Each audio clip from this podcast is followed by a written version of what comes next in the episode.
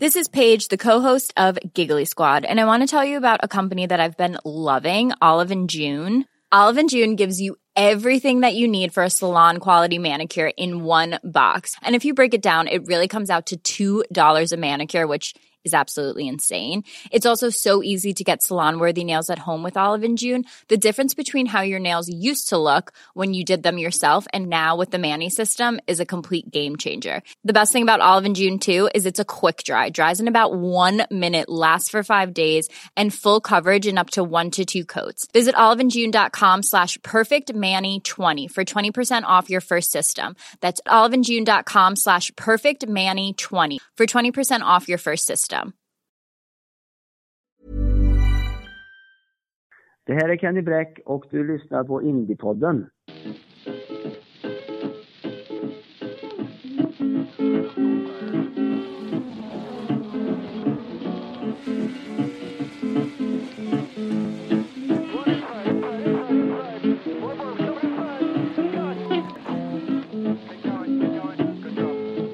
I wanna know where my easy rider gone.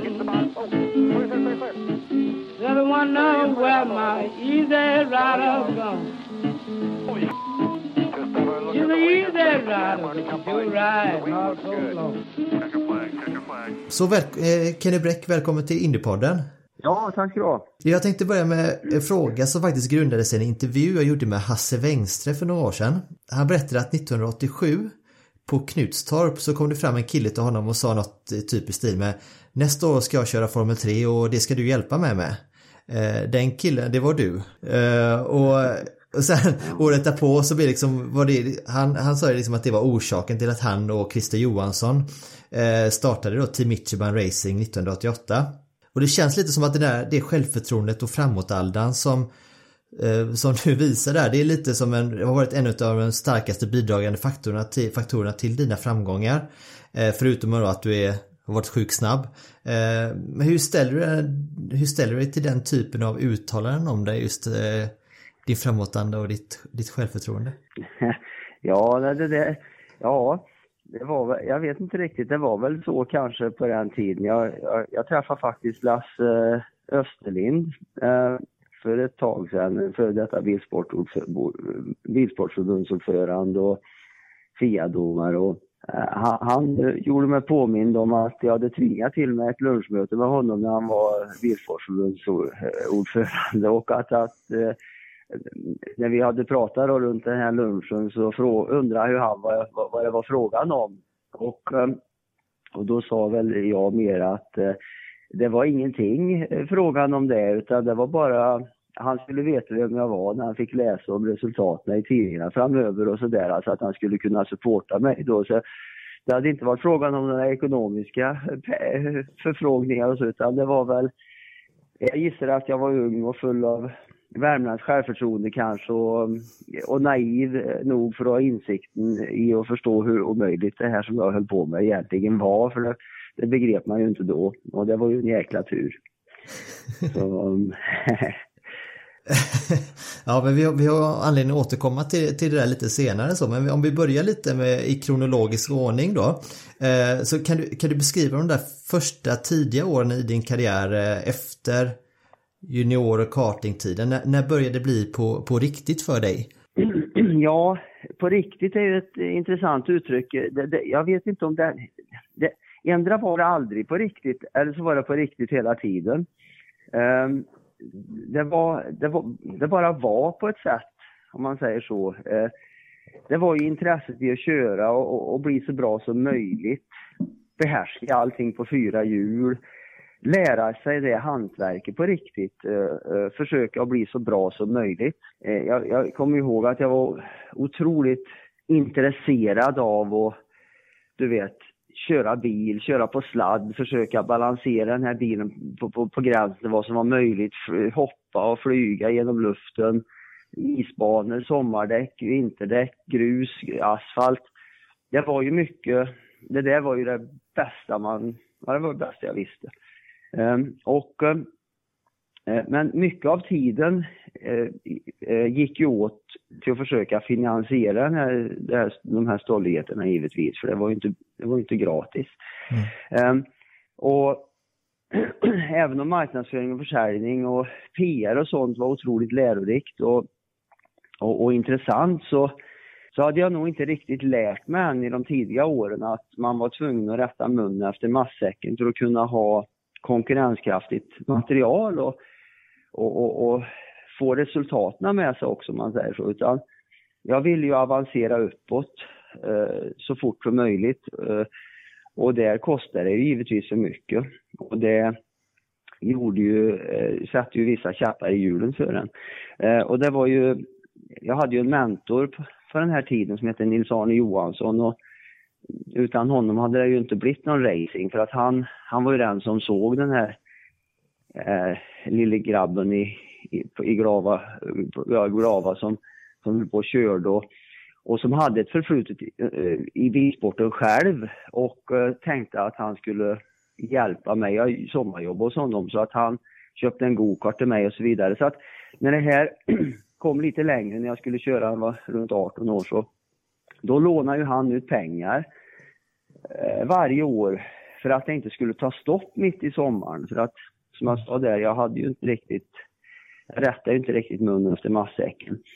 Eh, och det var ju pengar som jag fick börja med att återbetala ur nästa års sponsorbudget eh, till honom. Eh, så att, och så här pågick det ju sju, åtta år. Och jag minns att det här var förknippat med ganska mycket ångest och oro. Eh, för det var ju aldrig roligt att vara i, stå i skuld ekonomiskt. Men, eh, men det löste sig till slut det med när jag fick lite bättre balans på kostnader och fick mer ro och, och fokusera på hantverket eh, lite senare i karriären. För du växte upp, eh, kan säga, växte upp i en annan, i en annan tid eller i en annan värld. Eh, eh det var ju väldigt, förstår som att det har varit väldigt mycket så, mängd träning som har legat till grund för liksom, hur du har utvecklats eh, som förare. Janne Flash Nilsson sa någon gång att här, ni tankade Formel 4 fulla med bensin och så körde ni en hel dag tills däcken tog slut.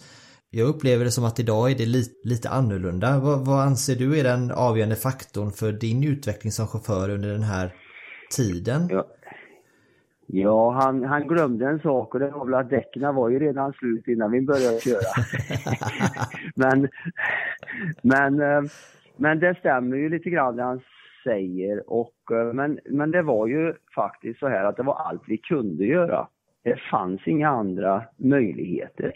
Ehm, det var det eller ingenting och eh, knappt man klarade det på det viset. Eh, så att vi, vi, vi sov ju på släpkärran och vi, vi körde och körde och vi pressade oss själva och vi mekade själva. Och man lånade transportbilar och släp. Nils-Arne Johansson fick ju låna ut både bilar och släp på farsan och och säkert Jannes farsa och allihopa. Det var ju, man var lite allt i all och sådär du vet. Och, och det mm. gick inte att göra det på något annat vis för det fanns inte pengar att göra det på det sättet vi gjorde det ens. Men, men det som, det som blev av det var ju att man lärde sig mycket av allting. Man lärde sig att meka, man lärde sig att förstå hur en teknisk eh, del funkar och vart krafter kommer in och vart den går sönder och man går sönder och man fick, man fick fixa kraschgrejer själv, skruva isär ehm, och skruva ihop. Och man lärde sig att köra på alla olika underlag. Eh, man, man, fick en helhetsförståelse för saken. Och det här drevs ju enbart av passion givetvis, för det, fanns det var ju bara det här starka intresset att köra, köra, köra som var, som var det som, som var viktigt. Att de här åren var ju väldigt eh, nyttiga om man ser på, eh, på, i det stora hela därför att eh, okej okay, att resultaten inte kom då kanske för att man var lite eh, för vidlyftig när man tänkte kring de här grejerna med, med, med budget och, och, och, och, att man kanske inte satsade pengarna där det gjorde mest skillnad. Men, men lärdomen att köra fick man ju med sig ändå. Du vet, kör du med en bil som kanske inte är konkurrenskraftig så får man ju prova alla tricks ännu mer för att försöka vara konkurrenskraftig. Så att det här hade man ju ändå med sig längre fram men det var, det var en annan tid på den tiden på något sätt. Det, det mm. fanns eh, möjligen eh, kanske man ser det lite romantiskt för man har säkert glömt bort 90 procent av allt helvete som man gick igenom. Men, um, men jag tyckte jag tyckte ändå att uh, det har varit en, ja, det, det är en ovärderlig grund. Har det varit. Man säger ju att allting går ju framåt och utvecklingen går framåt och inom idrotten inte minst. Men på vilket sätt är det bättre eller sämre idag för unga förares utveckling? För det är ju lite, man kör lite, kanske lite mindre idag, det är lite kanske mer kostsamt. Går det åt rätt håll på den fronten och du förstår vad jag menar? Det går nog, på, det går nog åt det hållet som samhälle i stort går tror jag.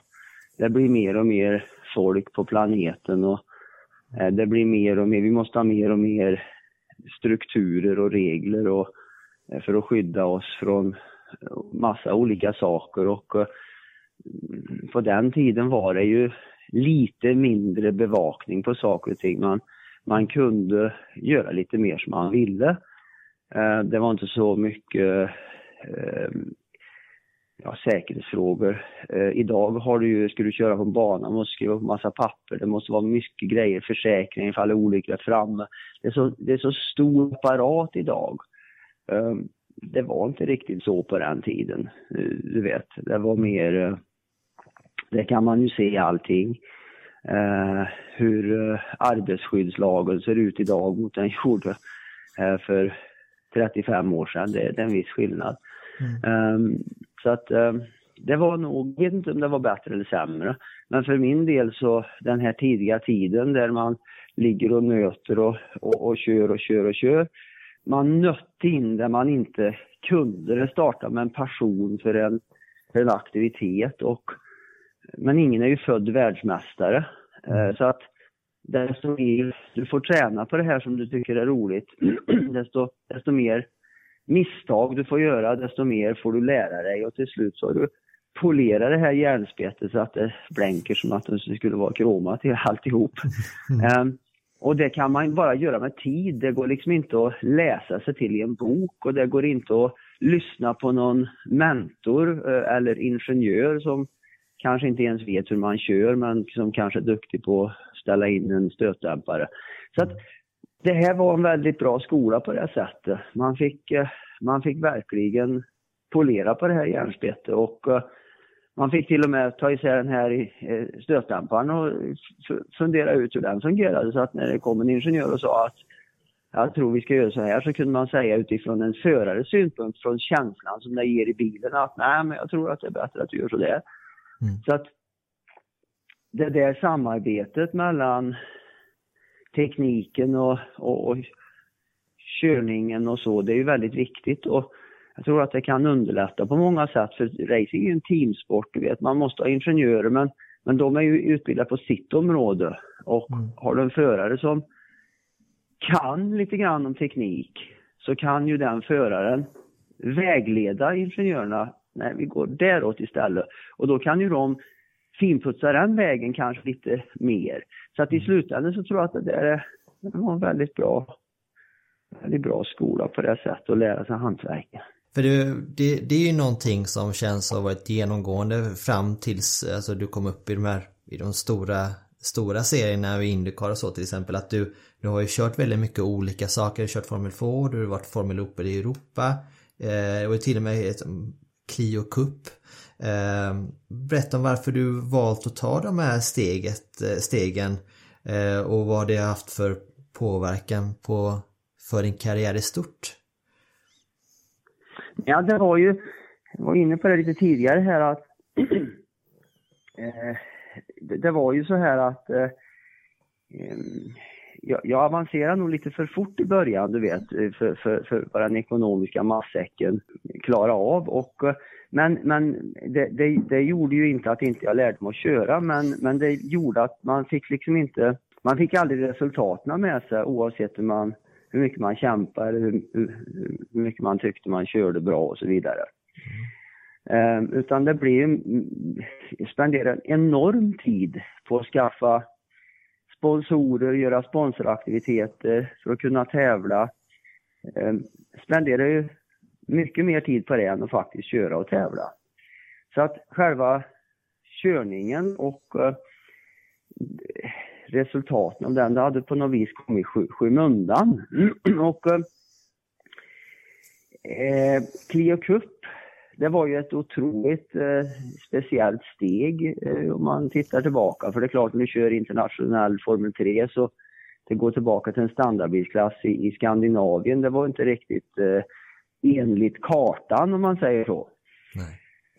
Eh, men det var, det var faktiskt Janne Flash som, som sa det, för han var väl lite grann i liknande situation eh, och, och menar på att eh, eh, ska vi inte köra något som vi har råd med, som vi har pengar att köra och där vi kan slappna av lite grann och, och, och, och köra och ha kul och eh, ja, och då pekade han på en ny serie som Volvo Renault dragit igång i Skandinavien när det var Renault Clio Cup. Och jag tittar ju på det här också och menar på på honom, ja men vad fan det här är ett jävla steg åt sidan på något sätt. Men, men uh, prata om vi kanske kunde göra ett eget team och ett gemensamt team. Mm. Och jag minns jag sa till Janne, ja det där, då ska vi fasen, då måste vi ha Volvo med oss för annars så blir det knepigt alltihopa. Och det var inte så lätt för Volvo var inte direkt sugna på att gå in och sponsra enskilda idrottsmän. Men vi åkte ner där till Volvo i alla fall, fick ett möte med en kille som hette Janne Sidemo som, som, som sedermera blev en, en av mina goda vänner och som jobbade åt mig i USA sen på, på Indycar-tiden, men det var ju många år senare. Mm. Men han jobbade på marknadssidan eh, på, på Renault och eh, vi hade ett möte med honom och då visade det sig att de hade ju också utmaningar med att starta den här serien så de behövde lite affischnamn. Så på något sätt så lyckades vi vrida till något samarbete. Och eh, inte på, inte på, det, jag kommer inte ihåg nu om hur det där samarbetet såg ut, men jag tror att vi fick, eh, fick en bil eller hur det var, jag minns inte riktigt. Men i alla fall, vi satte ihop ett team och vi, vi började på knyta till oss eh, de sponsorpartner som vi redan hade då och fick ihop alltihop det här. Och det, Sen drog vi igång och körde och eh, då, det, det blev ju, ja det blev en vändpunkt, en riktig vändpunkt i min karriär för att eh, bilarna var ju konkurrenskraftiga. Eh, det var enhetsbilar. Och, och sponsorpengarna de räckte ju till hela säsongen utan man skulle ligga sömnlös nätterna. Och eh, då kom ju segrarna också på löpande band va. Och det, det, det var väl jag hade ju lärt mig mycket om marknadsföring och försäljning och sponsorskap och, och körande och teknik och så vidare. Men den här sista pusselbiten då, vikten av konkurrenskraftigt material och köra, köra konkurrenskraftiga bilar, den föll på plats där kan man säga. Och sen blir det min ledstjärna framåt. Eh, kanske, ja du vet, som jag sa tidigare, sju, åtta år i och, eh, på, på ruinens brant för att, för att ut, utveckla och, och, hålla på med sin passion och sen, sen så blir det, det faller på plats på något sätt. Det var, det var minns det som en fantastisk tid faktiskt.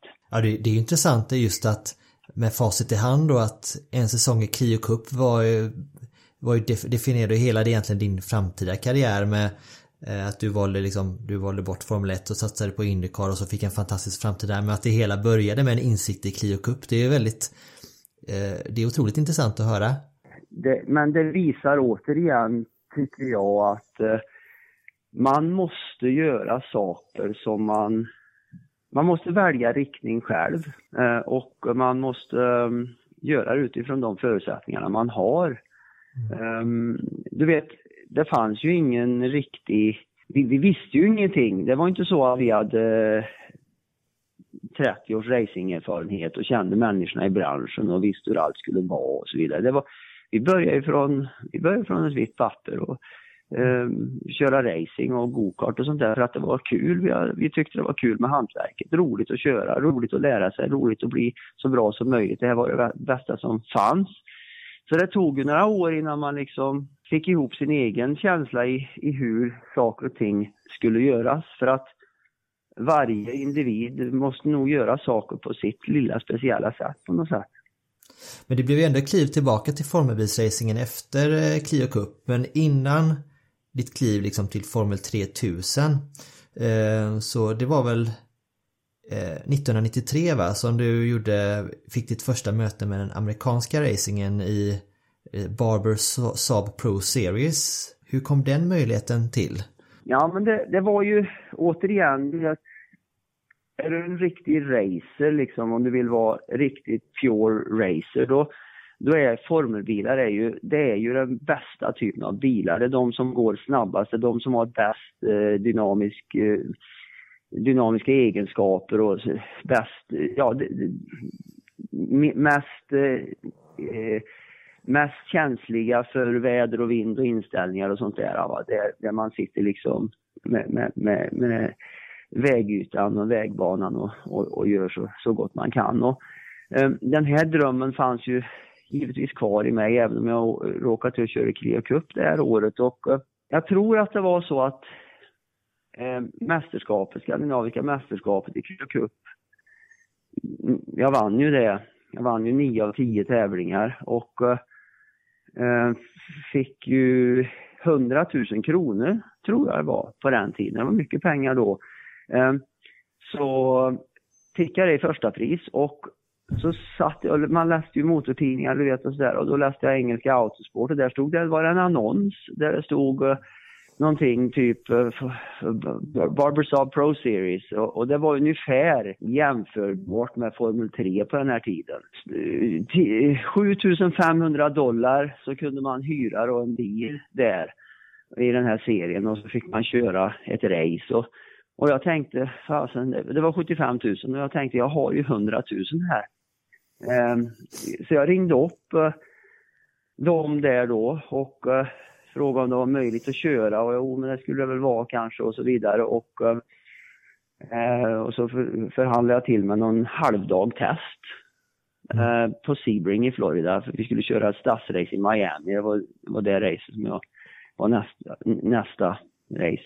Och eh, så åkte jag dit betalade de här pengarna, 75 000 till serien och sen så fick jag den här testdagen inkluderad och sen, sen så kostade väl omkostnaderna det är säkert en 20-25 000. Så den här hundringen den försvann ju givetvis.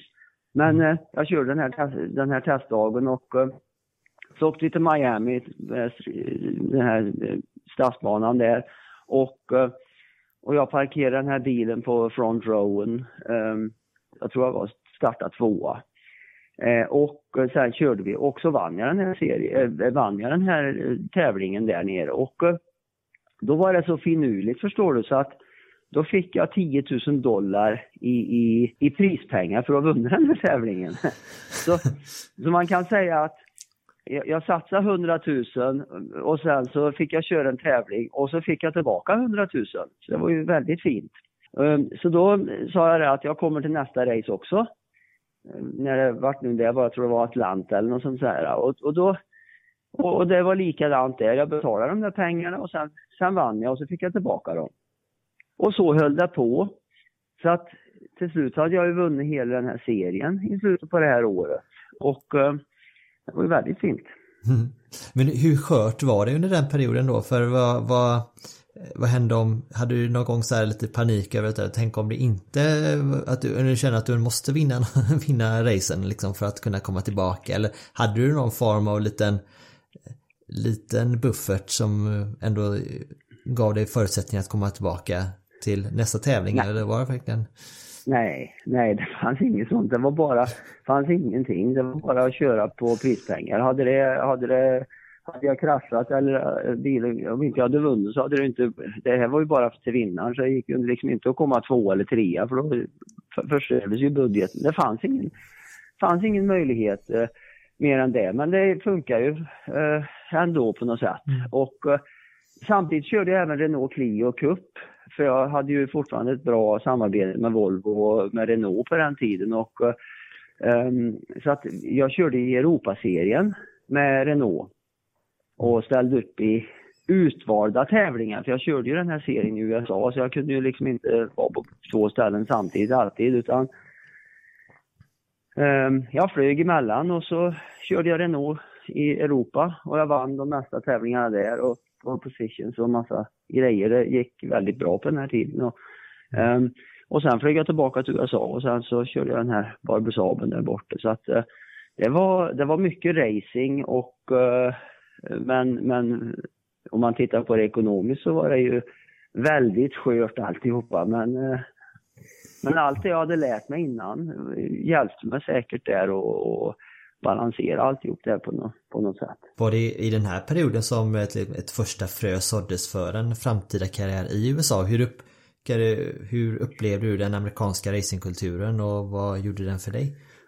Jag, jag älskar ju den amerikanska kulturen. Eh, kanske inte jag kan prata för USA idag, men när jag var där och tidigare, du vet, eh, så, så var det ju så. Och eh, det var ju, i racing var det mycket mindre komplicerat. Det fanns, ja, det fanns regler, men det fanns annat också om det gick bra va. Jag menar, en fräck omkörning på gräs i sista kurvan, det, det, det kunde gå hem uh, utan diskning på den tiden. Mm. Uh, man, man, kunde skjuta från höften och det fick man ta, det, man fick ta det goda med det onda med det för det givetvis fick man utstå en del själv också men, men det var liksom man mot man på banan och, och det, mesta var, det mesta var tillåtet. De, de älskar ju vinnare i USA och eh, det finns ett mycket större utrymme för individualism tycker jag. Eh, det är inte så uppstakat, så upp, eh, uppreglerat. Mm. Åtminstone var det inte det på den tiden. Eh, sen tycker väl jag att jag, jag, tycker om USA som kultur. Jag tycker landet är jättespännande och inte bara racingen utan titta på andra saker, musik till exempel, innovationskraft inom, eh, inom um, industri och sånt. Uh, det, det, finns otroliga möjligheter om du kan din sak i USA. Uh, och det passar mig väldigt bra, för som jag sa, det var ju hantverket och köra bil som, som var det intressanta för mig. Så att det var ju, jag var nog rätt duktig på det eh, på ett sätt. Och det, det, då passar USA. De premierar eh, sånt. Du vet, eh, tittar man på, ja till och med idag eh, i Europa så så får du ju givetvis avancera genom serierna i de här mindre serierna men du får ju betala, förarna får betala allt själv till teamen. Eh, mm.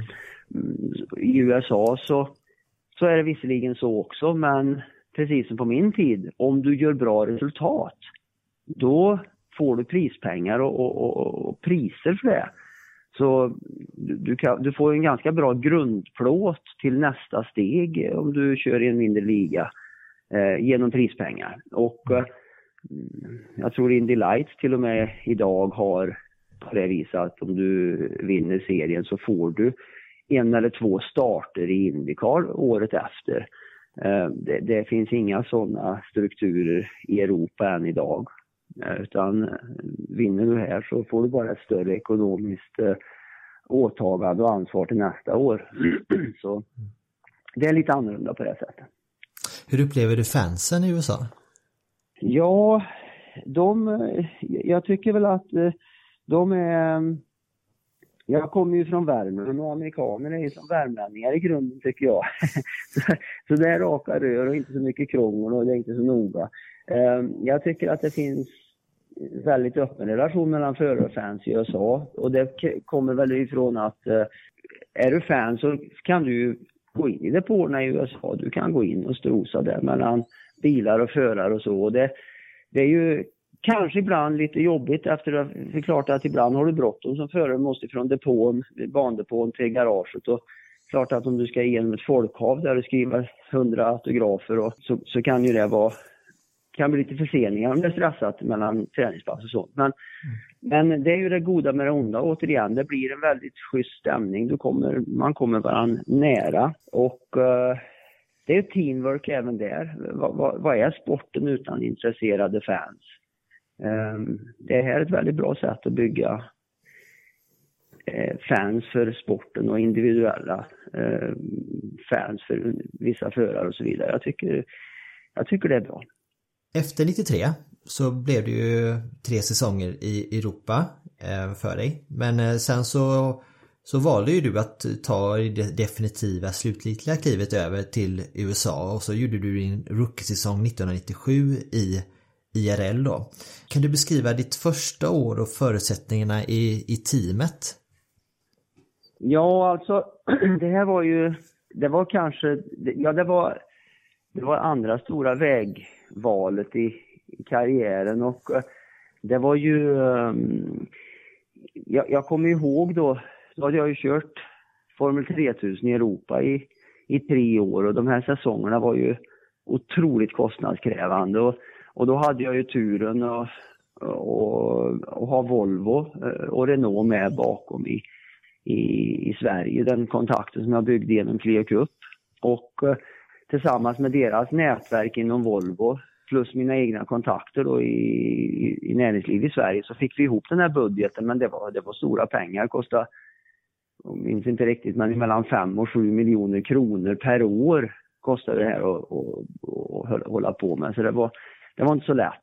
Men eh, vi gjorde det i alla fall tillsammans och eh, det, det, gick ju bra. Sen så 97 så fick jag ju, jag hängde runt i depåerna. Jag hade ju, jag hade ju, hade ju ett Formel 1-kontrakt 96 Mm. testkontrakt i Formel 1 och med, med, ett, med, med en löfte att köra 97 eh, år efter. Men det här teamet eh, som jag hamnade med i Formel 1, det var, det, det, var ingen, det var en återvändsgränd. Det var det sämsta stallet på, på griden kan man säga och i, i min anda då så var det ju inte möjligt att komma någonstans på det sättet eh, eftersom bilen var för dålig. Så jag sa upp det där avtalet och eh, i och med det så hade jag ju ingen, ingenting till nästa år. Eh, jag kunde inte stanna kvar i Formel 3000 och Formel 1 var dörren stängd genom att jag gjorde så. Mm. Så jag åkte till USA och hängde runt där i depåerna och eh, försökte få en styrning och, och, det var ju lättare sagt än gjort för det fanns ju inga platser. Eh, tills då en förare eh, kraschade och, och, och skadade sig. Och då kom det här stallet, eh, stallägaren fram till mig, jag var där eh, och sa att ja, du har ju hållit på här länge och ja, vi har ju följt dig sedan du körde Barber Saab och du har ju skickat ja, fax till oss efter varje tävling du har kört och, du har hållit på att knacka på dörren här nu i några månader och nu ska vi ha ett däcktest nästa vecka. Men vi har ingen förare så att vi tänkte ge, om du är intresserad så får du chansen att köra. Så jag sa ju absolut, det ska vi göra, vi ska köra. Och det var ju det var en ovalbana i Phoenix och eh, jag åkte dit och eh, vi körde det här däcktestet under två dagar. Och eh, stallchefen hade sagt till mig att det är ett test, du får bara, du, det är möjlighet att prova men du får inte, det, det kommer inte att bli en styrning av det för vi behöver ha en erfaren förare för vi har sponsorer och så vidare. Vi kan inte ta en rookie till det här. Men det var en test eh, i alla fall och eh, jag slog banrekord där andra dagen. Och sen så hade jag fått mina, mitt test och sen åkte jag hem och sen dröjde det någon vecka och då ringde den här stallchefen och så sa han att eh, ja, Eh, vi har pratat lite grann och även om du inte har någon erfarenhet så skulle vi vilja erbjuda dig den här styrningen för, för året om, om du är intresserad. Och eh, så sa han att och du får 250 000 dollar i lön och så 30 procent av prispengar eller vad det var. Och, och jag tänkte att fan, så jag sa till henne, ja det är jättebra, om du höjer till 300 så, så har vi en deal. och då blir det helt tyst i telefon. Och då, då tänkte jag att det kanske inte var den smartaste grejen att säga. Ehm, men till slut så sa han, okej, okay, kör till, kom hit så skriver vi kontrakt. Då.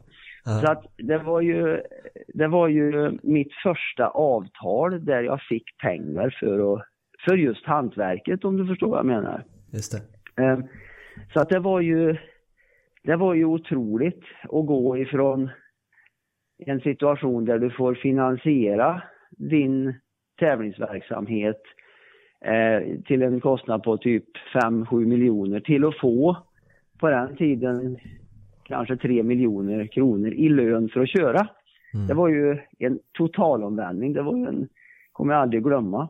Mm. Eh, och eh, ja, eh, sen var det ju en tung säsong i övrigt. Jag var ju rookie, det var ju absolut var jag snabb, jag ledde ju flera race och, och sådär. Men vi hade ju en eh, ingenjör i teamet som också var rookie. Och de här ovalbanorna, eh, de är väldigt speciella för där ställer du in bilen totalt annorlunda än en vägbana. Varje, varje hjul på bilen eh, måste du justera stötdämpning, fjädrar och hjulgeometri eh, separat på. Mm. Så att vi, vi hade ingen, eh, visst hade vi fart då och då men det var ju, det var ju otroligt eh, prövande och det, det, det, är både svårt och livsfarligt att köra på en ovalbana för det går så jävla fort allting och det finns inga marginaler. Och på den tiden så höll ju Indy 500 på en hel månad med tester och förberedelser. Mm. Och jag kan ju säga att det var ett riktigt jävla eldprov. Eh, därför att jag var livrädd varje dag.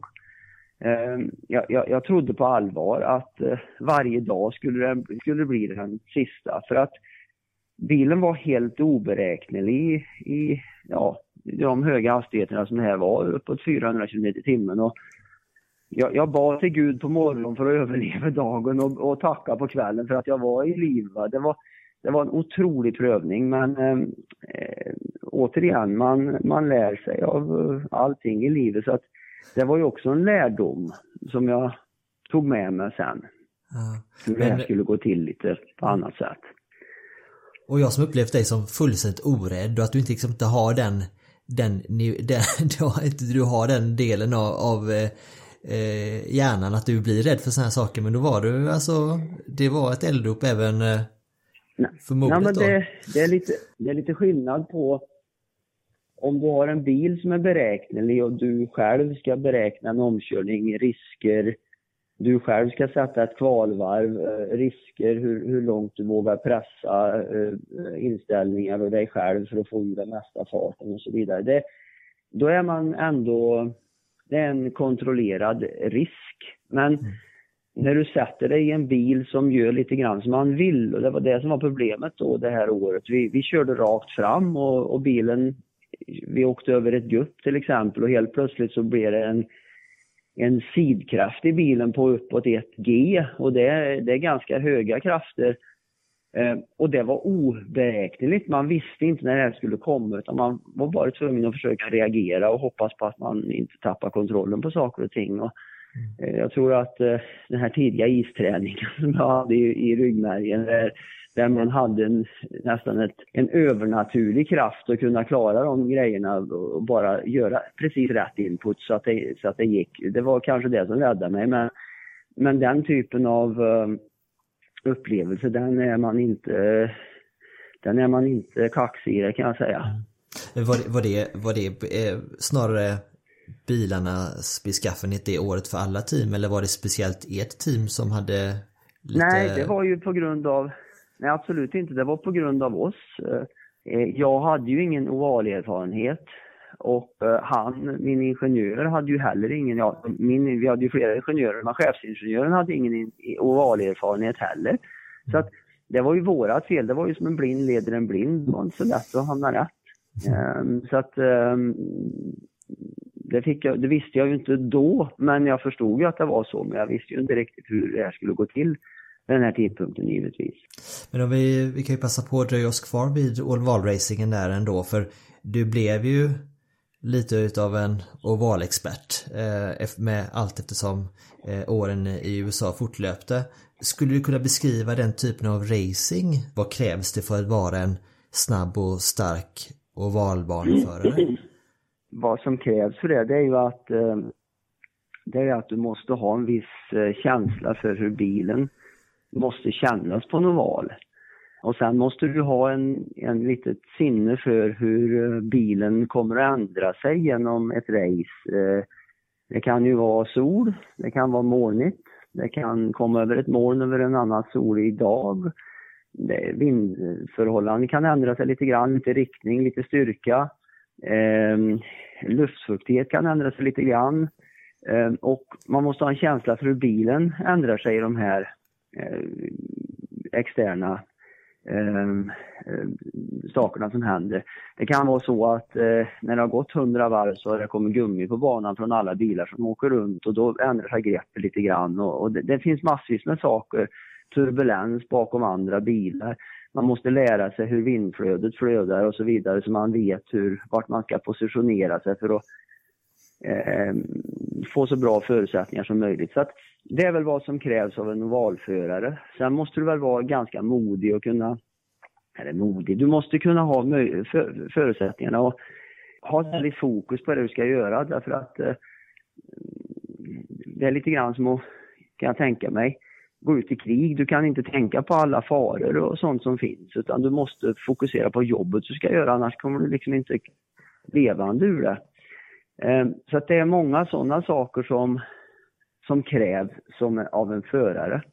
Och det är någonting som man inte riktigt kan lära sig genom någon annan väg än erfarenhet. Och eh, givetvis så kan man ju, om man har turen och, och, och, ha bra människor kring sig, som ett team som vet hur en bil ska ställas in för att vara, för att vara in the ballpark om man säger så, då kan man ju hålla sig i ballparken och sen kan man göra små justeringar till sin individuella körstil och så.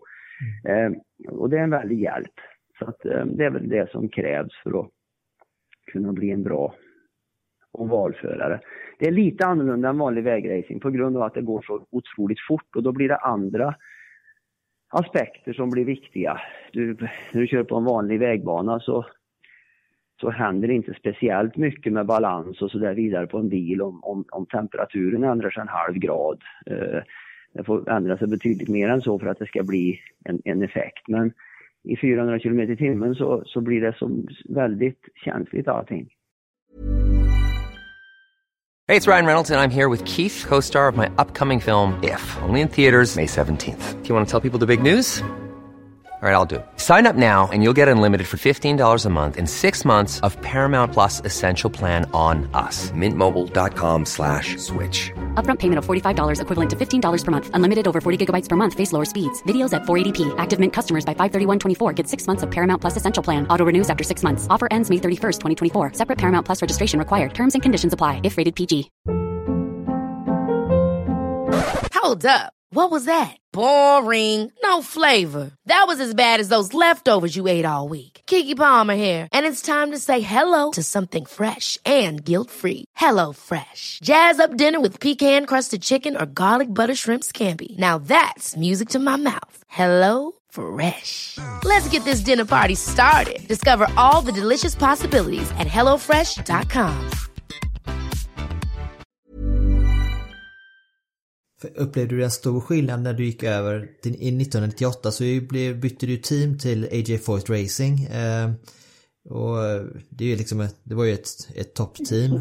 Upplevde du det klivet över dit med den erfarenheten de hade att det blev det någon form av aha-upplevelse för dig där? För då antar jag att ovalracingen blev lite mer, kanske fel ordval, men angenäm.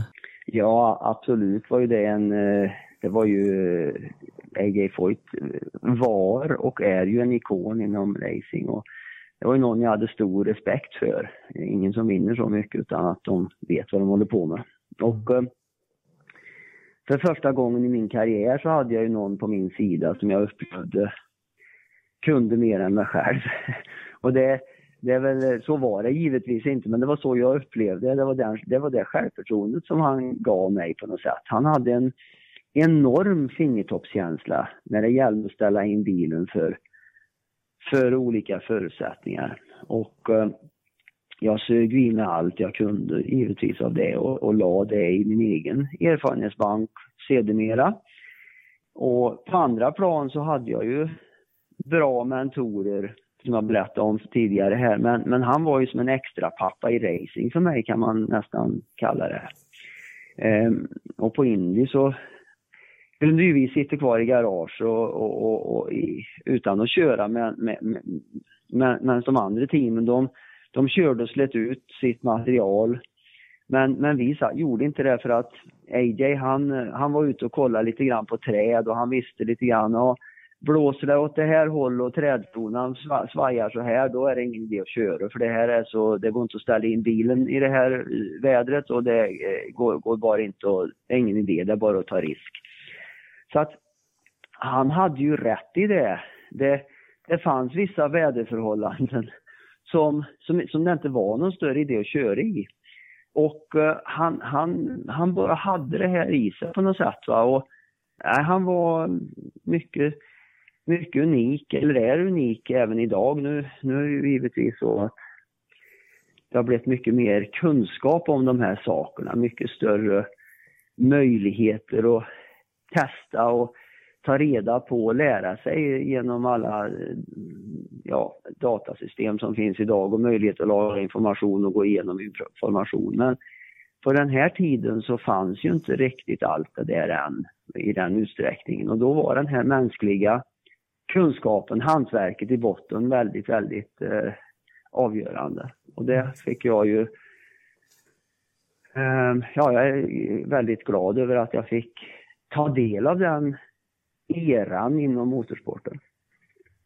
Vilka kvaliteter i dig tror du att eh, AJ fastnade mest för?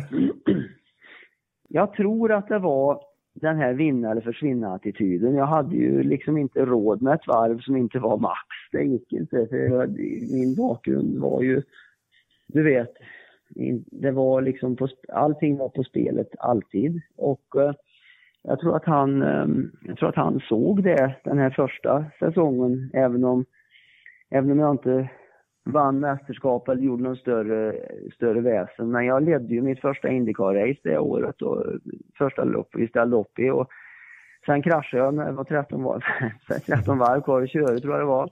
Och jag tror han tänkte så här att eh, det är lättare att, att sakta ner en förare, du vet, än att få dem att köra fortare.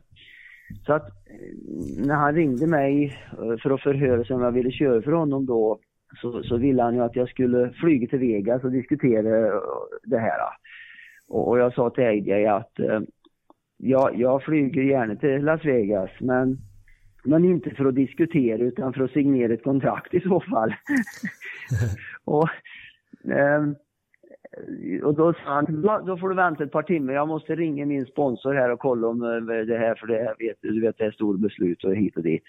Ja, ja, ja, så det är klart. Jag, jag var ju i Florida så det var ju en bit att, att flyga till Las Vegas. Så i alla fall så, han, han återkom och sa att ja, du får komma hit så, så gör vi upp en deal. Så, så jag fick ju ta en sån här Red Eye, en sån här, ett nattflyg till, till, till Las Vegas. Och när jag kom dit så kom jag ju på att fan, jag hade ju inte, jag hade ju inte frågat vart han bodde ens, vilket hotell han Håller på som fan där innan jag fann honom. Men han var en sån här typ som du vet, det var ungefär som om du kan tänka dig någon stor artist som, som landar någonstans eller president. Man behöver inte... Jag tog väl en halvtimme så hade jag fått reda på vilket hotell han bodde på. Mm. Eh, genom att fråga lite folk där. Och eh, så att eh, vi träffades där och, eh, och vi gjorde upp den här affären över, över, över en frukost. Och eh, sen så fick jag reda på senare och det var, det var lite speciellt för att den här det var, jag kände av det redan från början när vi började köra att det var en ganska frostig relation med den här, de här människorna. Och jag förstod inte riktigt varför men, eh, men sen så, sen så började vi ju vinna och då, då tinade den här relationen upp. Och då fick jag reda på sanningen. Då hade ju AJ ringt till den här sponsor, eh, det var en kvinna som var sponsor, VD på det här företaget och sagt att han då skulle vilja byta förare till, till året. Och hon hade menat på att nej, nej, vi vill inte byta förare för den föraren som kör våran bil här, han är så bra i, vi trivs med honom, han är bra PR-mässigt och så vidare. Och då hade ju AJ sagt att då kan du ta dina jävla pengar och sponsra något annat team. så, så att, sen hade han lagt på luren förstås och sen hade han ringt till mig och sagt att kom hit så skriver vi kontrakt.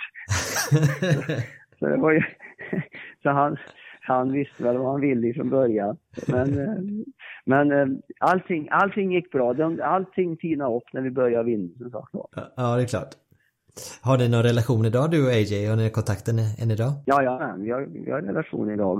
Faktum är att jag pratade med honom för ja, det är ett par veckor sedan nu. Han fyllde 85 år. Så, jag pratade jag med honom lite grann och så. Så att vi har eh, vi har relation, men det är klart, han, han bor ju i Houston och jag bor ju i London, så det är klart att inte det är dagligen så, men eh, tre, fyra gånger om året träffas vi, och så på Indy givetvis varje år. Så. Mm. Och du vann ju mycket riktigt hela mästerskapet det året. Det var ju bara ovalracing i, i Indycar-serien som jag körde då, så att, eh, men jag kom ju in i stallet som som, som delad nummer ett-förare. Det var ju två förare, men i praktiken Ja. så var ju jag nummer två därför att det fanns lite intern politik i teamet som jag, jag är inte säker på att AJ visste om det, men eh, vändpunkten i alla fall i säsongen, Eh, den kom ju i Texas eh, någonstans en tredjedel in eller hälften in när jag ledde med några varv kvar att köra men så blev jag omblåst eh, av min teamkamrat och en annan konkurrent i sista omstarten och, och blev trea. Och, och jag var ju ursinnig för det här för att eh, jag visste ju att, ja, jag tyckte inte att jag hade bil som gick fort nog helt enkelt. Och, och AJ han tyckte ju att jag skulle väl för fan vara glad för en tredje plats. Det var ju inte dåligt menade han på.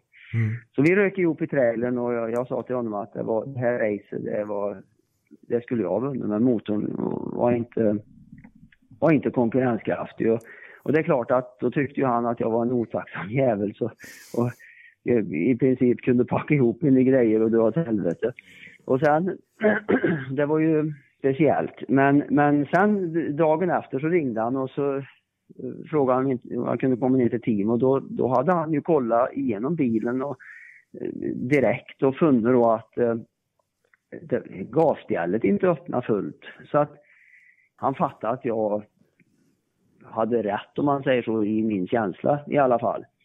Eh, och eh, där hände nog, det, det, det hände något i vår personliga relation där som var väldigt positivt för att AJ var ju en, en väldigt han hade väldigt stark personlighet och det var inte många som vågade säga, säga och tycka, tycka något till honom vad de egentligen tyckte utan de flesta höll med eller sa ingenting. Och, och jag var ju lite annorlunda i det här fallet. Eh, och eh, jag tror att det bidrog till någon slags ännu större respekt och eh, sen den dagen vart ju vi oslagbara där med, med, med, med, med det året. Eh, vi, vi vann ju, så vi vann tre race i rad och äh, mästerskapet och hela konkarongen så det var ju en väldigt äh, framgångsrik, äh, ett framgångsrikt samarbete men det kom inte utan utan bumps in the road om man säger så. För du var ju även kvar, du var ju kvar hos AJ eh, 99 då, då, då blev du ju tvåa i serien det året men du plockade ju samtidigt din största raceseger i karriären, Indy 500 det året. Den historien har vi ju hört återberättas eh, åtskilliga gånger. Eh, men jag förstod det som att snacket, på snacket mellan dig och AJ innan så hade ni segervittring. Eh, stämmer det? Att ni kände, hade det på känn?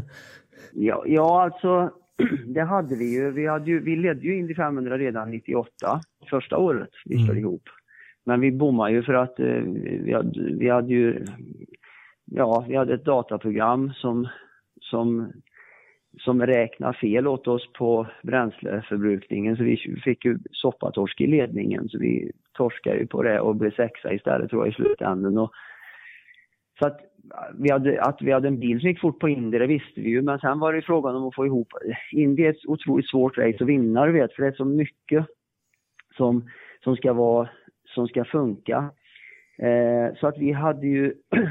jag hade ju... Serien vann vi 98 och mål var ju att vinna Indy. Jag vet ju när vi fick bilen, eh, den nya då på, i, på hösten, typ i november, då Ja, jag samlade allihop i teamet runt bilen och sa att den här bilen, det var bara en, en, en, en, en, bar kolfiber, ett bart kolfiberchassi. Det var inga, inga hjulpengar, ingen motor, ingen växel. Det var bara en, en, en, en, en sittbrunn.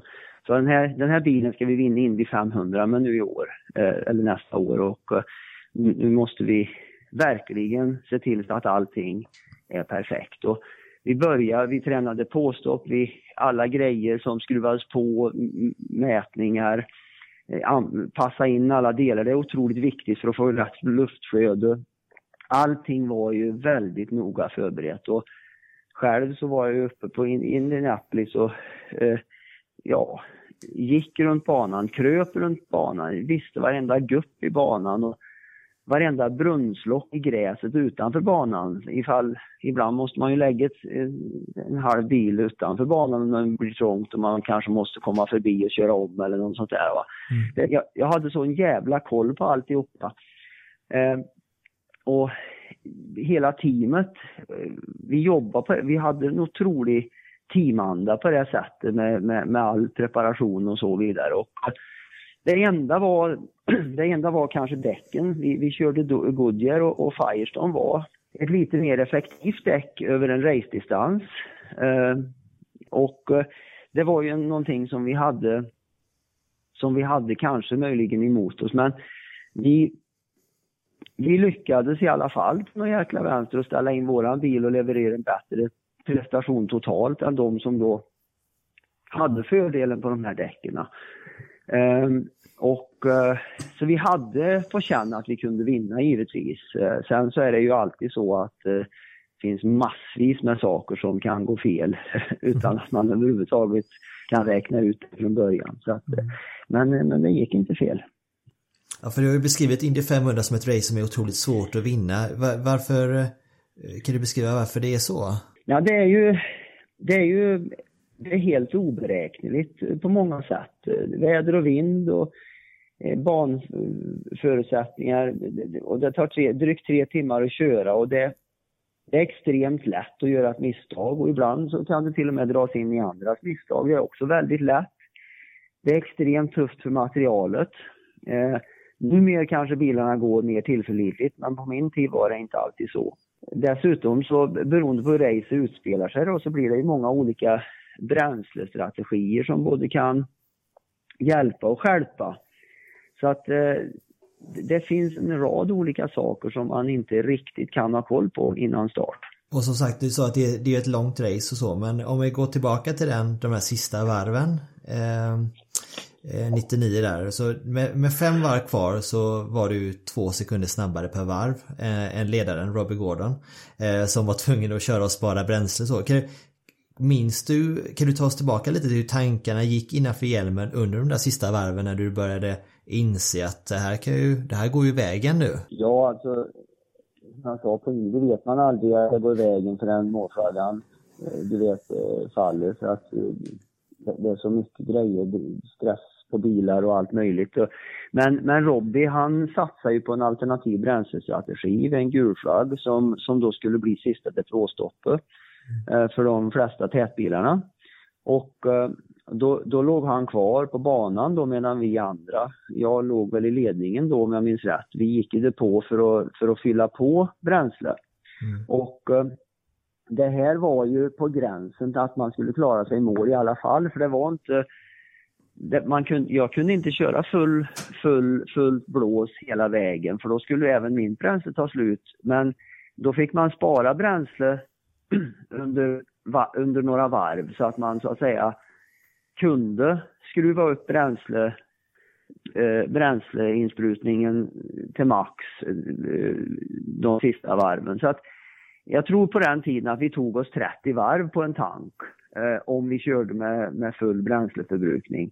Men jag tror att det här stoppet eh, kom eh, mm, 37 varv innan målgång. Så att det, det räckte liksom inte eh, att, att göra utan då fick man spara in bränslemängd, bränsle, eh, bränsle eh, åtgången lite grann. Och eh, Eh, Robbie han, han eh, hade ju stoppat ännu tidigare än oss, han, han hade ju ännu mindre bränsle. Så att, mm. Men när, när, den här omstarten gick då i alla fall så satt ju han av som en stucken gris där medan jag var tvungen då att spara bränsle ett antal varv för att kunna ta mig till mål. Va? Mm. Eh, och eh, eh, hade det kommit mer gulflaggor eh, så hade ju givetvis det här varit en riktigt bra strategi för Robbie Gordon för då drar ju bilarna ingen bränsle knappt alls och du ligger kvar i position på banan som du ligger, du får inte köra om och så. Men, men, men, men det kom ju ingen gul flagg. Eh, det var ingen som kraschade och så vidare utan eh, när jag fick sen klartecken att köra fullt och så, så körde jag ju rätt snabbt ikapp honom och för, för då hade jag ju alla förutsättningar och han var ju tvärtom. I, han var ju tvungen att puttra runt och bara försöka att ha bränsle kvar i mål. Och han, han, jag var ju rätt snabbt i hans växellåda och, och redo att köra om då. Och sen när han eh, blev tvungen att gå ut, gå ut depå med ett varv kvar så, så blev det ju, då tog jag över den platsen jag hade innan det här sista depåstoppet och, eh, och vann race. Och jag tror Robbie, jag tror han vart fyra eller något sånt här och det var ju det var ju den placering han hade eh, vid sista depåstoppet så att eh, han förlorade ju inget heller. Han, det, var ju, det, det, det utspelade sig tillbaka på det sättet det skulle kan man säga eh, ur min synpunkt sett i alla fall. Mm. jag, jag har ju lyssnat på det, jag har ju tittat på det klippet massa gånger just de här sista varven och jag har jag, jag var lite nyfiken på det, den här alltså radiotrafiken som gick mellan dig och din... Eh, ja, det var AJ som var min uh, main contact, men du vet på Indy så har man också, banan är så stor. Um, och uh, då har man någonting som man kallar för spotters. Ah. Det är alltså folk som står högt upp på någon byggnad och tittar på banan och håller koll på vart du är om de jobbar med dig. Och så tittar de om du har någon i växellådan och som kastar sig in på insidan i någon sväng och så vidare. Och det här är ett amerikanskt fenomen det här med spotters. Europeer vi, vi, vi vill väl ha så lite radiotrafik som möjligt och koncentrera oss på körningen. Men ibland kan det vara svårt att se för backspeglar kanske inte sitter optimalt och det är mycket trafik och så. Så det kan vara eh, fördelaktigt ibland att få någon som säger inside, inside, för då får man liksom shit, här har jag tänkt att ta idealspåret. Fan, har jag någon på insidan som helt plötsligt har kommit dit utan att ha sett det och så där vidare. Va? Mm. Men, men annars var det AJ och jag som hade kommunikationen mellan. Och jag vill minnas att, att AJ vart så uppjagad eh, i, också i slutskedet det här. Eh, så att eh, vi pratade lite grann. Han, han, Kenny, Kenny, du behöver inte köra så fort nu. Eh, vi, vi kommer att vinna det här racet och jag sa ja det kommer att bli en fin dag AJ. Så där, så, eh, sen, sen så var det någonting att eh, Eh, du vet han, han sa någonting eh, jag kommer inte ihåg och jag, jag missuppfattade och sen så fick de förklara igen och då blev jag förbannad. Jag tror jag svor över radio och sa håll käften på er nu så vi får komma i mål här. så det var mycket, det var mycket, eh, det var mycket kommunikation. men, i, men i slutändan så gick det bra alltihop. Ja, visst. Ja, att vinna, att vinna Indy 500 är ju såklart otroligt stort och nu, ni hade ju samlats, du hade ju samlat teamet inför säsongen med att allting liksom ledde ju upp till Indy 500 och att det var det som var grejen. Eh, när du väl stod där högst upp på prispallen och du hade druckit eh, mjölk och allting, så hur, när började du själv förstå den fulla vidden av segern? Ja, det är speciellt. Alltså jag, det gjorde jag nog inte förrän många år senare. Ehm, och tittar man idag så är väl, ja, jag har vunnit mycket biltävlingar och mästerskap i en hel del olika klasser och i det mesta jag kört faktiskt. Och, men det är den enda meriten tror jag som folk kommer ihåg idag. Och det säger väl en del om, om vidden av just den här tävlingen. Um, och det var väl lite grann som, som AJ sa en gång, han sa så här att You ain't nothing if you haven't won the Indy 500, sa han till mig. och, och jag tänkte fan, jag fattar väl inte riktigt uh, hur rätt han hade i det, vid det tillfället. Så det, det, um, det tog ett bra tag innan jag insåg det. Den saken är klar. Sen året därpå då så gick det över från, det var ju två serier på den tiden. Det var IRL, IRL och så var det kartserien och det var ju det var lite speciellt på den tiden för de här två kannibaliserade ju lite på varandra. Eh, och, men många utav dåtidens stjärnor körde i kartserien, nu får du rätta mig om jag har fel här men eh, IRL hade ju liksom Indy 500 och ett större startfält. Men inför säsongen 2000 så valde du att kliva över till kart eh, och Team Rahal Lettman då. Berätta hur du resonerade kring beslutet att byta mästerskap. Ja, men det var ju, Mm. det var ju eh, som du sa där, det, fanns, det, det, det hade ju blivit två olika serier och eh, det var mycket eh, snack runt allting och teamen var ju rivaler. Det var, det var ju riktigt, det var ju verkligen rivalitet alltså mellan de här två ligorna. Det var fans, det var journalister som hade tagit sidor och tyckte att förarna där är bättre och bilarna där är bättre och Indy 500 är bättre och Michigan 500 är bättre och det var, det var liksom otroligt polariserat alltihop det här. Ehm, och eh, jag ville ju tävla och vinna, försöka vinna i alla fall mot allt. Och det var ju mitt sätt att mäta mig själv. Och, eh, nu var det ju som det var och eh, det, det var ju, jag, jag, kände ju bara att jag var tvungen att köra den andra serien också för att visa att jag kan visa mig själv och, och motorsportvärlden också att jag, jag kan köra vad fan som helst, det spelar ingen roll, jag kan vinna vad som helst. Eh, men samtidigt var det inte lätt att skiljas från AJ. Eh, han var ju som jag sa lite grann som en racingpappa för mig och jag visste ju att vi aldrig mer skulle jobba ihop på riktigt. Eh, och det visste ju han också. Och vi var, jag har aldrig varit tårögd förut när jag eh, har pratat med en stallchef, men vi var det båda två faktiskt den gången. Och jag satte mig ner och berättade då att jag hade bestämt mig för att anta en annan utmaning till året efter. Um, och um, det, det, hade jag gjort då. Jag hade fått uh, ett par erbjudanden och jag hade bestämt mig för Bobby Rahals team. Men jag sa till Bobby och det, att uh, jag, jag, jag, ska, jag kommer att köra för dig. Jag, vi, vi gör så här, men jag kommer inte att skriva på ett kontrakt förrän jag har sett mig ner och pratat med AJ. För jag vill inte, jag vill liksom inte gå bakom hans rygg på det här sättet.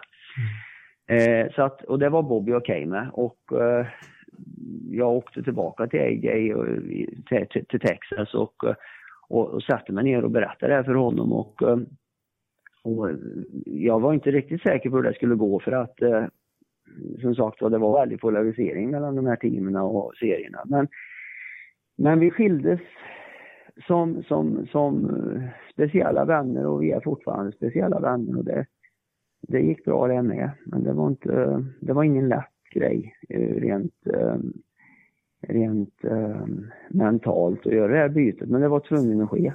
För det skiljer sig i racingen och kulturen mellan de två serierna fast det är många tangeringspunkter eller var det vitt skilt? Konkurrensmässigt tyckte jag inte att det skilde sig men men kart hade ju en mer blandad serie banor. De körde ju också på väg och stadsbanor. Mm. Eh, Indycar-serien på den tiden, de körde ju bara på ovaler. Så på det sättet var det ju annorlunda. Och Indy, eh, kartserien då, den var ju mer, kanske, ja den var mer internationell. Vi körde i Japan, vi körde i Brasilien och England, Tyskland, Kanada, Mexiko och, och så vidare. Och USA givetvis. Eh, bilarna var ju, de var starkare än Indycar-bilarna på den tiden. För att de körde ju på vägbanor också, inte bara ovaler.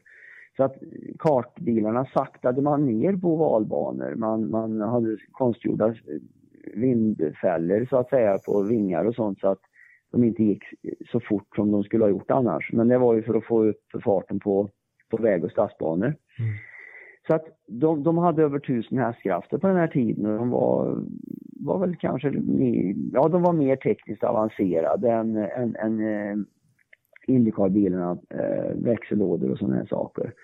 Eh, men jag skulle säga att just ovalbanorna som gick att jämföra så, så var det nog jämnare och högre konkurrens i Indycar-serien faktiskt. Mm. Eh, och det var ju allt man fokuserade på i den serien. Så det kanske möjligen är normalt också. Men eh, ungefär så skulle jag beskriva det. Och det gick ju bra från, från start där också. Det blev ju årets rookie 2000. Och 2001 slutade du du är tvåa. Men du hade flest segrar och flest pole position av alla. Var det roligt att ta det klivet över till att även köra mer varierat med vägbanor och road, road courses, street courses? Ja, alltså... Jag vet inte om man ska jag vet inte hur jag ska säga lite grann. Det är ju, ja, jag, jag, tyckte väl att eh, det var mer varierat, absolut. Eh, men, men racing är ju racing. Den vägbana eller stadsbana eller oval så absolut skiljer det sig på många sätt. Eh, så man, man måste ju liksom anpassa sig som förare till det, hur man, hur man, jag menar vägbana så kan man ju börja och köra lite över gränsen och så drar man tillbaka det till rätt gräns. Det är det snabbaste sättet tycker jag att komma upp i fart. Man börjar att träna och så. Den strategin kan man inte riktigt ha på ovalracing för då smäller man ju muren utan där får man liksom börja från andra håll och börja lite bakom mm eh, gränsen och så får man bygga upp till, bygga sig upp till den och samtidigt som man får med sig bilinställningar och sånt där. Mm. Eh, men annars så var det väl inte så stor skillnad tyckte jag. Utan det var ju bara business as usual, men det var ju ett annat, det var en annan, eh, andra team, det var andra förare och eh, an, ja, andra konkurrenter och man var, man var tvungen att så att säga försöka och, och ta tag i dem. Eh, men jag tyckte att det gick bra. Jag hade ju chans att vinna mästerskapet redan första året. Jag blev fyra för jag tror faktiskt motorn gick sönder på, på Fontana. Ehm, så att ehm, det var, ehm, jag var konkurrenskraftig från början. 2001 tror jag vi hade jag tror vi ledde mest varv. Jag tror vi tog flest segrar och flest pole positions av allihopa. Men sen så hade jag ju för mycket eh, tekniska fel och även eh, hade ju, det var ganska mycket konkurrens inom teamet i Team Rahal. Mm. Um, och uh, det, det resulterade i att uh, jag släng, ja, ett par racevinster slängdes bort och poäng ifrån dem på grund av att uh, vi, uh, vi körde ihop med varandra, jag och min teamkamrat. Det var inte, det var inte det bästa. Men, ja, det var du och Max Pappis va? Ja, exakt. Ja, precis. Så att det var ju eh, speciellt. Men, men som sagt då, det var ingen tvekan om att det fanns eh, fart och, och att, det, att det funkar. Året efter så valde du att byta team till Chip Ganassi och det var ju, förstår ju som att för, alltså förhoppningen och tanken och förutsättningarna var ju eh, på topp för de var ju ett toppstall redan, redan på den tiden. Ändå så blev det lite av en det blev en mellansäsong och det blev bara en säsong i Chip Ganassi men eh, I den här dokumentären, eh, SVT-dokumentären om dig, så sa Chip eh, att, att du den säsongen tillförde något till teamet som de inte hade haft förut. Eh, kan du berätta om hur det är ur, ur ditt perspektiv? Ja, alltså det blev inte riktigt som jag hade räknat med eh, faktiskt. Eh, du har rätt i att Ganassi var ett toppteam redan då, men de hade, de hade av någon anledning eh, året före satt två rookies i, i bilarna och det, det, det, det, får ju konsekvenser därför att du får inte rätt eh, ledning från förarna, inte tekniska team och så vidare. Och eh, sen så när jag hade skrivit på så, så, så utökade teamet med två bilar till. De, de, de, de körde en fulltime Indycar-bil, alltså i den serien jag körde då när jag vann Indy. Mm. Och sen så tillsatte de en bil även i kartserien för, för en ung kille som heter Scott Dixon på den tiden. Han kör fortfarande för stallet nu och han är Ja, han är seriens framgångsrikaste förare. Han har vunnit jättemånga tävlingar och mästerskap och så vidare. Men då blev kontentan att vi fick dras med stora personaländringar för att kunna klara en dubbel uppsättning bilar. Och, och, dessutom en bil i en konkurrerande serie som då krävde en egen transport och ja, folk kring, kring den serien och så vidare. Och eh, med det så kom det miss, mycket misstag utöver det som är normalt. Eh, det blev mekaniska fel, det var, jag vet inte hur många segrar det kostade oss det året genom att hjul stöp av i depåstopp och sådana saker. Ehm, vi jobbar hårt under året för att försöka utveckla det här och, men det, det är enormt svårt under en rådande säsong att få bukt med sånt. Ehm, så att vi, vi höll mycket på med personalstrukturer eh, och eh, ja, försöka få ihop allt så att det skulle flyta och så vidare. Mm. Eh, och eh, det kom till en punkt i säsongen där jag, jag, jag ruttnade lite grann på, på, på, på, på den grejen och eh, då bestämde jag mig för att, för att, för att flytta på mig till året efter. Och, eh, men det var, kanske skulle jag ha stannat för vi fick faktiskt bättre ordning mot slutet mm. på, på, på säsongen och eh, året efter så, så, så var det faktiskt Toyota-motorn som då Ganassi hade, den var verkligen tillgång. Eh, eh, och i, jag körde ju ett annat stall som inte hade den motorn så att eh, det, det var mm, men, men det gick, det är, hö, det är högt tryck du vet när man, när man ligger på topp och man vill prestera och så vidare så att det här var mm, jag tyckte då att det var så här jag var tvungen att göra. Sett i backspegeln så kanske jag skulle ha haft lite större tålamod. Men eh, vi hade en bra relation i, i teamet med både Chip Ganassi och Mike Hall som var operationsledande chef och han är fortfarande chef där och vi, eh, de har ju eh, som sagt var, Scott Dixon har ju kört den sen den tiden med stallet så att eh, de är ju ett eh, toppstall mm. nu som då. För 2003 är du tillbaka i IRL eller du är tillbaka med Ray Letterman eh, och det går ju riktigt bra. Sen så kom ju då den här beryktade kraschen i, i, i Texas och som vi har hört om så mycket. Men jag, jag hade en liten fråga som jag alltid undrat över. Eh, för trots att du är liksom en av de mest framgångsrika svenska racerförarna genom tiderna så är det på något sätt genom kraschen som du blev riktigt känd för den breda massan i Sverige. Det får du rätta mig om du upplever det på ett annat sätt. Men hur känner du inför det?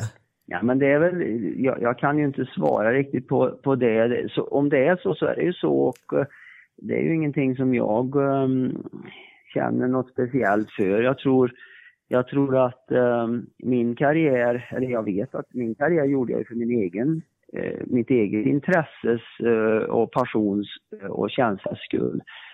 Sen så landar ju det på som det landar hos, hos eh, gemene man om man säger så och varför.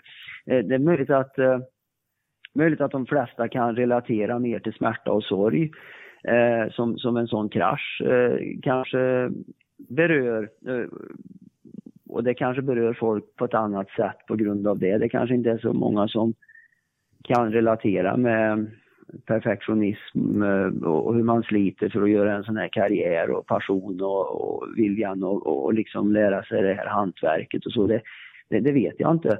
Det är intressanta fenomen som kan uppstå. Det kan ju kanske bli en, en mystik kring, kring händelser, personer som, som, som um, som skapar någonting kreativt, idrottare eller någon publikperson, om, om de dör eller, eller råkar ut för något som är väldigt dramatiskt.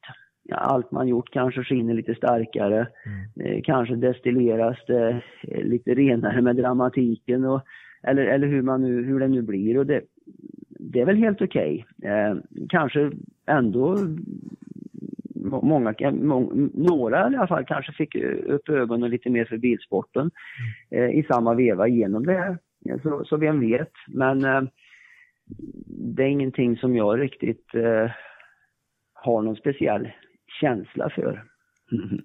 Men om vi ska stänga kapitlet om liksom din aktiva karriär eh, så, eh, så skulle jag ändå vilja ta klivet tillbaka till personen Kenny Bleck. Så du har ju styrt hela din, alltså din egen karriär verkligen. Så inga managers och så.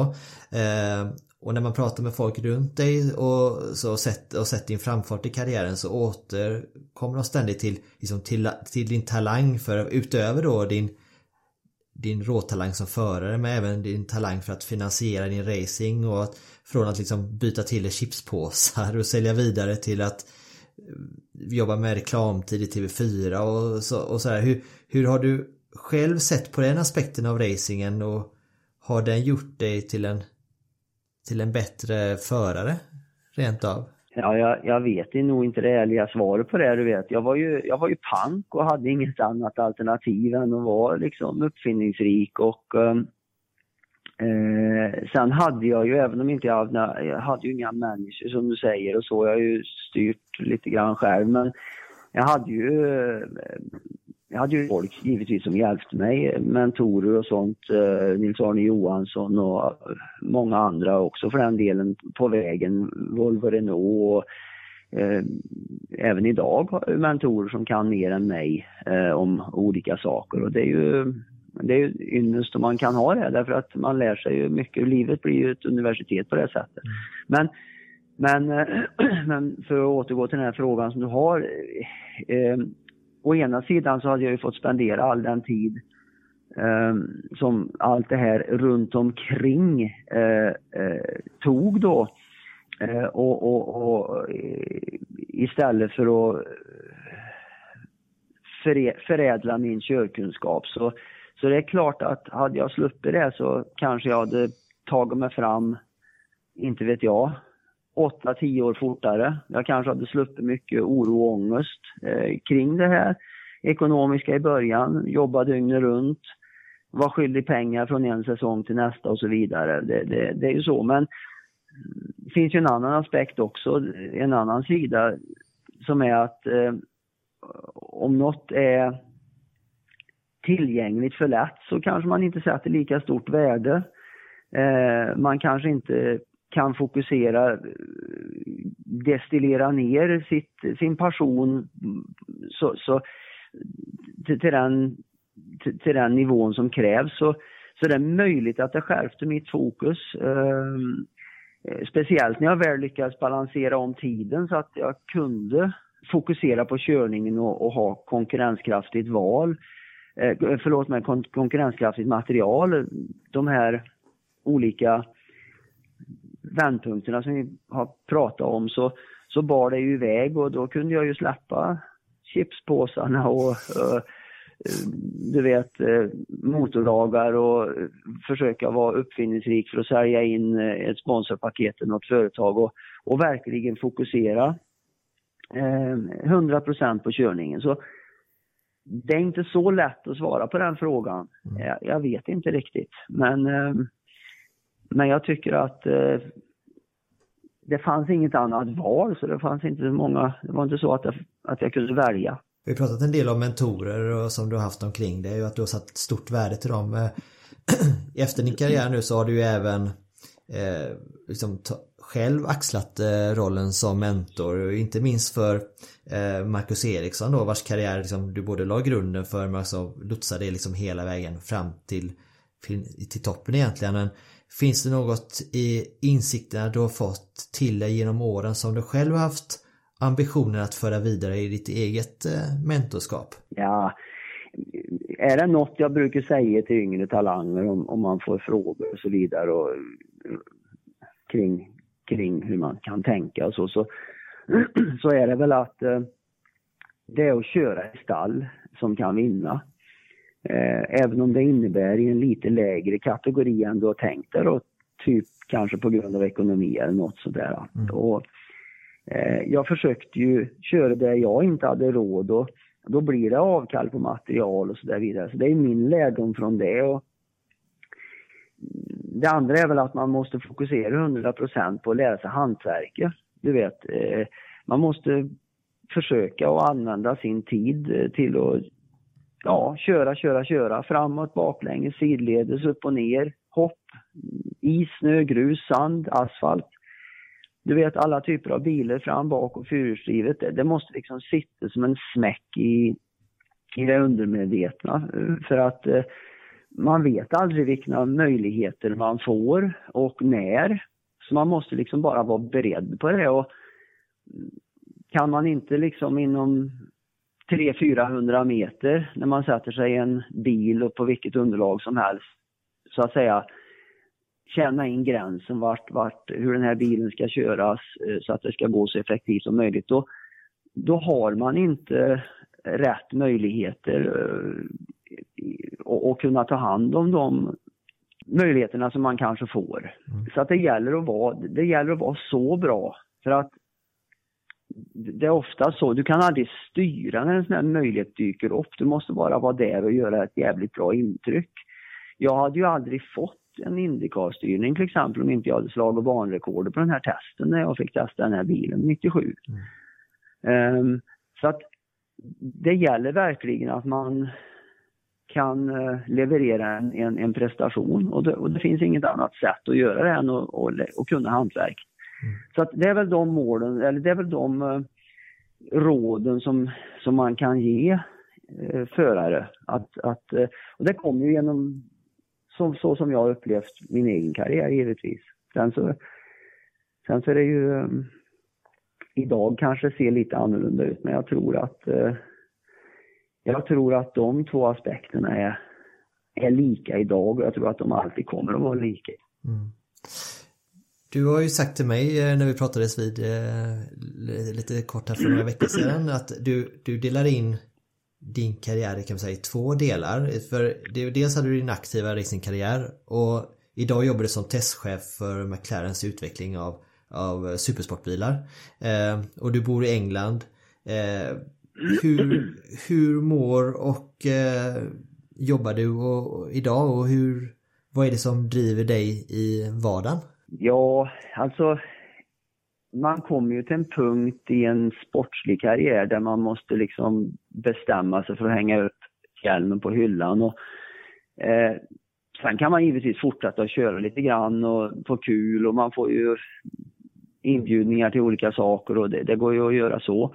Jag har aldrig riktigt varit intresserad av den delen. Jag, jag kör någon tävling ibland sådär men det finns ingenting som håller mig kvar i sporten. Jag är klar med den delen om man säger så. Och, eh, eh, idag så jobbar jag på, på den andra sidan av bilindustrin och, och, och, för det får man väl ändå kalla att racing, racingen hör väl till bilindustrin på ett sätt. Eh, så jag jobbar ju på den industriella sidan där vi gör då bilar för eh, massproduktion kan man säga, men även mindre serier eh, som är vägregistrerade. och, och det är väl lite grann jag, jag brukar benämna det som andra kapitlet därför att eh, eh, där kan jag ju tillföra min kunskap i det jag har lärt mig under alla år när det gäller eh, bild, eh, dyna, dynamisk eh, väghållning och hur man, hur man får fram den och ställer in en bil med olika fjädrar, stö, stötdämpare, krängningshämmare och får fram den här känslan som, som man behöver för att man ska få självförtroende bakom ratten och kunna utnyttja sin talang till fullo. Så att jag trivs väldigt bra med, med den delen. I, i, det, det kan inte bättre bli för mig. Det är, ett, ja, det är ett dröm, en drömfortsättning på, på det jag håller på med hela livet. Det är bara det att jag ställer mig inte på startlinjen varje söndag och ska köra race utan jag ägnar mig åt att försöka att förädla de här produkterna. Så, så det tycker jag är, jag vet inte om man, jag, jag tycker ju det är jätte, jätte, jättepassande för mig. För du vet, det är inte så lätt när du är idrottsman eller kvinna när du kommer i, du spelar fotboll, handboll, åker skidor, kör racing, vad du nu gör. Du kommer till en punkt ganska tidigt i livet där den här aktiva karriären, allt du, den här passionen som har drivit dig framåt, det är allt du har gjort i livet. och du har satsat på det här. Men sen så är kroppen eh, kanske, ja, eh, blir för gammal. Man, man kan inte klara den här påfrestningen. Kanske blir du trött på det för att du har gjort det så mycket så att du har inte rätt hunger kvar eller, eller vad det nu kan vara. Mm. Eh, då ska du ju hitta en annan sysselsättning och du kanske är 30-40 år gammal. Och idag lever ju folk till de är 80. Så att du har ju hälften av livet kvar. Eh, du kan ju inte bara gå hemma och titta i väggarna, du måste ju ägna dig åt någonting. Och eh, skomakaren som blir vid sin läst finns det ju ett ordspråk som, som heter. Och eh, kan man vara inom den branschen som man har lärt sig och varit i och lärt sig om så är ju det en ynnest givetvis. Och det är så jag ser på på den här delen i, i, min, i mitt liv just nu. Men avslutningsvis, när, när jag frågade Hasse Wengström som vi inledde med här, eh, vem som var den bästa föraren han haft att göra med, så sa han Kenny Bräck. eh, när Bobby Rahal fick samma fråga förra året så sa han Kenny Bräck. Eh, många har kallat dig både en, en multitalang av Guds nåde, men du har vunnit i X-Games i rallycross, du har vunnit Midnattssolsrallyt, eh, tredje plats i Iroc och eh, där din framfart på Goodwood i en eh, Shelby Cobra eh, Daytona på eh, 2011 det har blivit liksom en, det är lite av en viral succé. Eh, men så, i dina egna, egna ögon, vad är egentligen vad är grejen med racerföraren Kenny Bräck? Ja, nu, nu betalar ju jag Hasse och Bobby rätt mycket pengar, du vet, eh, så att eh, det är klart att de säger så. nej, men... Eh, nej, jag, jag, vet faktiskt. Jag har, jag, jag, vet, jag, finns det en grej? Jag tror, jag vet inte riktigt om det finns någon speciell grej. Jag, hur, jag vet inte. Men hur, hur, hur, känns det att få dem, den typen av bekräftelse? För det är ju liksom inga lättviktare som säger så här. Nej, det är ju givetvis smickrande, eh, absolut. Och uh, de har ju tillfört mig mycket också. Hasse och Christer uh, med sitt Formel 3-team och så vidare. Och Bobby med Indycar Incar-teamet och allt det där. Och eh, det, är ju här, det skapas ju livslånga band. I, det är ju så, i, racingen är ju inte så stor du vet i, i ganska liten community i världen men det, det skapas ju givetvis, eh, det är som en det är som en liten familj kan man väl säga och eh, eh, det är klart det är smickrande när, när man får det erkännandet. men jag har väl egentligen, jag har ju bara gjort min grej och tycker att det är bra. försökt att gjort det så bra som möjligt. Och um, det är väl så jag vill göra saker uh, på det professionella, man säger så. Man försöker att göra det så bra som möjligt och ibland blir det Ibland blir det bättre än man har tänkt sig, ibland blir det bra, ibland så lär man sig någonting och då blir det bra också. Tack så jättemycket för att du tog dig tid. Ja, ingen fara. Said I wanna know where my easy rider gone Never wonder where my easy rider gone. She's an easy rider, but she do ride hard so long.